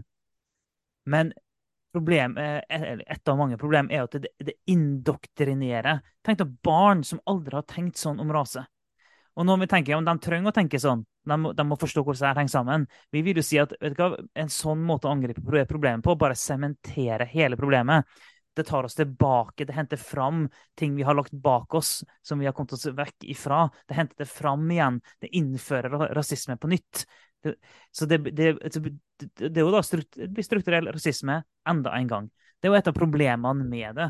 Og det er jo som du sier, med rosa kompetanse i skolen, det er akkurat det samme prinsippet. Ok, Noen kan tenke ja, men vi trenger den rosa kompetansen. Vi trenger eh, større forståelse for seksualitetsmangfold i den norske skolen. Ok, eh, Trenger vi bedre seksualundervisning i norsk skole? Ja, det gjør vi. Det kan vi være med på. Men rosa kompetanse fra Foreningen FRI fremmer jo ikke bare en, um, en bedre Eller eh, det er jo ikke bare en seksualitetsundervisning.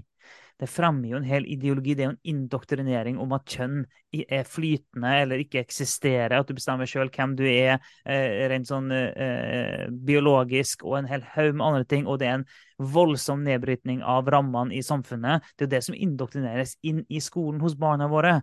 Og det med å forstå, da. Sånn eh, at, at, vi må ikke bare kjøpe ting så lett. Ja, og, og eh, det er akkurat det samme tingene. Nå har vi jo berørt egentlig utrolig få elementer av kritisk rasteori, fordi at det er så svært eh, rabbit hole å ho hoppe ned i. Men, men, jeg tror folk skjønner noe av hovedpoenget. Er det at eh, finnes det rasisme? Ja. Går det an å snakke om strukturell rasisme? Jo, innenfor visse rammer. Det har i alle fall vært. Finnes det resultater av tidligere strukturell mm. rasisme som fortsatt har konsekvenser i dag? Ja, det tror vi. Men utfordringen er hele ideologien eh, og hele forklaringsmodellen eh, som er ekstremt radikal. Og det er denne radikale ideologien som er nå mer og mer blir den dominerende forklaringsmodellen og veien man går til. Og utfordringen med det er at ty type disse her eh, racial bias training, eller hva det heter, jeg husker ikke alle begrepene de bruker på disse forskjellige eh, treningene som er i skoler og bedrifter som er kritisk rasteori, men men, eh, men, det det viser seg, undersøkelser viser jo det at dette har økt tension og rasisme. Mm. For, for det, det, du gjør, er at Jeg tenker vi, vi Kanskje vi avslutter der, men vi kan godt snakke om hele den liberale verdien som kom fra borgerrettighetsbevegelsen eh, i USA på 60-tallet, nemlig fargeblindhet. Eh, som en på en måte motsatt måte å tenke på. da. Eh, en kritisk raseteori. Nemlig at vi skal slutte å se så mye på de fysiske forskjellene, fargeforskjellene, de etniske forskjellene, og prøve heller å fokusere på individet. De forskjellige individene og kvalitetene som den har. Jeg ikke ser deg først og fremst som en hudfarge, men ser deg som et menneske. Eh, og at eh, hver enkelt menneske sjøl skal få lov til å få alle sjanser. Eh, det skal være like muligheter for alle. Og at hvis du Den, den amerikanske drømmen da, er jo det at hvis du jobber hardt, eh, så kan du bygge deg opp. eh, og så kan du så kan du lykkes. Og, og, USA, på tross av alle dets problemer, er jo egentlig òg en fantastisk historie om at mennesker fra alle mulige slags kulturer og hudfarger har hatt muligheten til å bygge seg opp, og det er ekstremt mange eksempler på det i USA. Eh, at det som tidligere var fattige befolkningsgrupper, nå har klart å komme seg opp. Eh, en av argumentene mot at det finnes en strukturell rasisme mot svarte i USA, er jo det at en av gruppene som gjør det veldig bra, er jo innvandrere fra Afrika direkte, altså folk som ikke har vært slaver. Og en del av kan du si, den det vi kaller den svarte befolkningen, eller afroamerikanske befolkningen, men det er folk som er innvandret direkte til USA fra Afrika nå. Eh, og folk fra spesielt fra, fra en del karibiske land eh, som har en annen, hatt en annen kultur. Eh, og her er det forskjellige nasjonaliteter og forskjellige grupper med forskjellige statistikker på. Men det viser seg at det finnes masse, uh, store del, eller en del grupper i den svarte befolkningen som gjør det kjempebra. Uh, og som ikke har den samme type statistikken som, som det vi som oftest forbinder med den svarte minoriteten i USA. Og, og da ser du hvor stor forskjell bakgrunn og kultur og historie og andre elementer har å si på hvordan man lykkes. Så, så eh, den amerikanske modellen og tankegangen har jo vært at her skal det være muligheter for alle. Og så kan man jo diskutere i hvor stor grad det faktisk er muligheter, og hvor mye den svarte befolkningen eller etterkommere av slavene faktisk har blitt holdt tilbake, og mye, hva mm. skal vi gjøre, og hvordan kan vi hjelpe til for å hjelpe dem sånn at de får reelle muligheter. Absolutt, det er en helt legitim diskusjon. Men, men den amerikanske modellen har vært at vi ikke skal fokusere på farge. Vi skal ikke fokusere på Her kommer vi fra alle mulige slags steder i verden, og så skal vi fokusere på det hvert enkelt individ kan gjøre. Eh, og selvfølgelig sterkt fokus på, på å ta ansvar og det å arbeide og det å få en utdannelse og det å lykkes, og at kanskje i alle fall barna dine kan uh, være i en mye bedre situasjon enn du sjøl var i. Uh, og det finnes jo masse positive historier fra USA. Og da, hele, noe av mantraet der har vært dette med fargeblindhet. At vi ser ikke på hudfarge. Vi prøver å se individene og hva de velger å gjøre, uh, og deres karakter, som Martin Luther King eh, snakket om.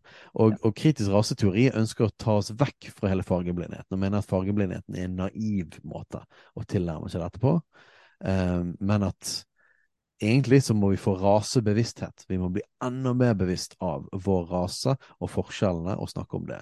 Um, og vår påstand er jo at den medisinen faktisk gjør vondt verre. Ja, uh, skaper, skaper mer, mer rasisme. Skaper mer rasisme, og mer, mer. Mer undertrykkelse, mer splid og hat skaper det. Og jeg, jeg, er helt overbevist om at det er sånn det fungerer. Og jeg har nevnt flere ganger eh, skole og barnehage som mine barn har gått på. Jeg er utrolig fornøyd med eh, kristen skole og barnehage som barna våre gått på, eh, går på her i Bergen, som er der det er en kjempehøy andel innvandrere. Og det er stort sett kristne innvandrerfamilier da, som sender barna sine dit. Eh, men det er iallfall 50-60 innvandrere der. I alle fall. Og i noen klasser mye mer enn det. Uh, og det har jeg syntes var en utrolig sånn spennende opplevelse av jeg, multi, multikulturelt uh, på en måte miljø, da. Og, og som gjør at, uh, at, barna våre har veldig mange venner med, med en annen hudfarge og fra forskjellige land. Og det som har Selv om det finnes absolutt sine utfordringer med å blande masse kulturer, så har den positive biten har vært å se hvor naturlig dette er for barna. Mm. Å se den automatiske fargeblindheten. Det at Med mindre vi hadde lært de liksom om hvit overmakt eller noe sånt, ja. uh, og rasisme, så ser du at det, det, er ikke sånn de forholder seg til hverandre. Jeg har sett det helt fra barnehagen, og jeg har lagt merke til det, for jeg syns det er spennende. bare som en, en sosiologisk eksperiment som bare se hvordan er det barna automatisk forholder seg til hverandre. Og så merker du at det liksom de, de, bryr seg like mye lite om hudfarge som, som øyenfarge, hår, klær Altså, det de virkelig bryr seg om, er personen. Er dette en person som de syns er en hyggelig, eller en drittsekk? Eh, mm. Eller er det en person som de liker? Altså, det, de, det går helt på tvers av hudfarge. Hvordan vennskapene skapes, hvordan de forholder seg til hverandre men ekstremt basert på per, folks personlighet. Og, og, og, for meg så er det på en måte sånn glimt inn i hvordan fargeblindhet fungerer. At, at, at, det liksom Når du gjør hudfarge irrelevant, så, så vil jeg påstå det at, at det, det, drar vekk rasismen med seg. At uh, rasisme forsvinner med å slutte å se folk som forskjellige raser. Ja. Um, mens vi... kritisk raseteori gjør det motsatte. Det skaper en rasebevissthet som jeg faktisk tror trigger forskjeller, og trigger og ødelegger faktisk mer for akkurat de problem, problemene som vi ønsker å bli kvitt. Ja, vi anerkjenner at det finnes problem, og vi anerkjenner at, at uh, det finnes en del uh, historie her. Men vi tror ikke løsninga er rasebevissthet. Vi tror ikke løsninga er mer rasisme. Vi tror ikke løsninga er mer oppdeling i grupper. Vi tror ikke løsninga er mer segregering. Det tror vi ikke er løsninga. Og vi tror at eh, fargeblindhet er en er grunnleggende kristent. Ja. Og likhet òg er grunnleggende kristent, men da må vi tenke på hva, hva, vi mener med likhet. Og det tenker vi får hoppe inn i mer i neste episode, for nå har vi snakka ganske lenge mm. Eh, bare her. Vi visste jo at, eh, at, dagens episode kom til å bli lang, vi, eh, og at det kom til å hoppe fram og tilbake. Og det kommer vi helt sikkert til å gjøre i en episode til, eller to eller tre. Vi får se eh, hvor mye det blir.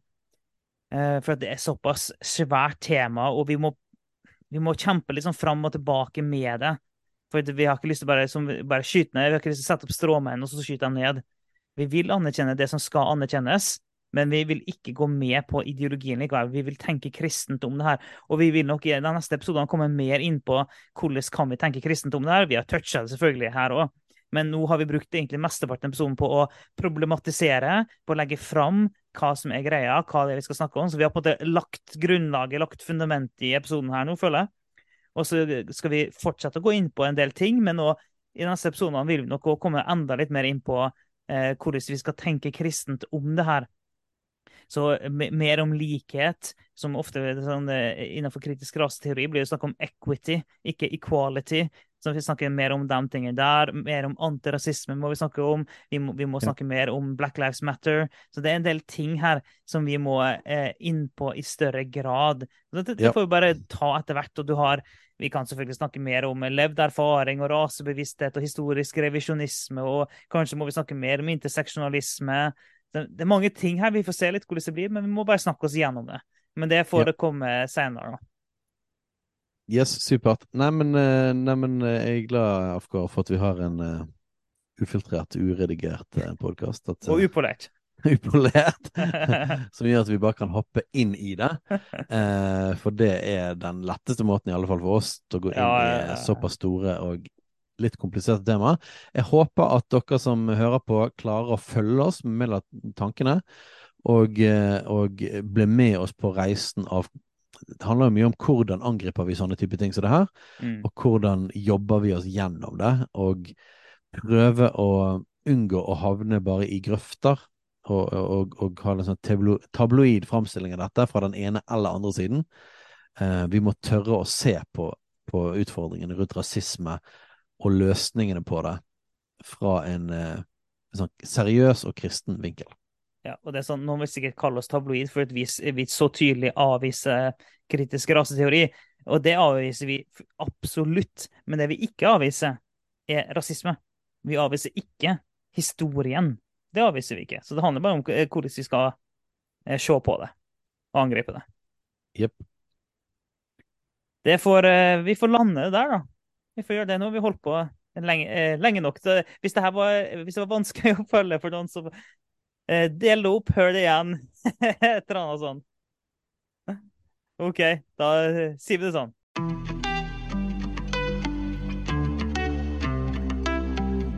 Takk for at du lytter på Kulturkrigen. Om du har tilbakemeldinger, spørsmål, hva som helst egentlig, send inn til post alfakrøllkulturkrigen.no eller på sosiale medier.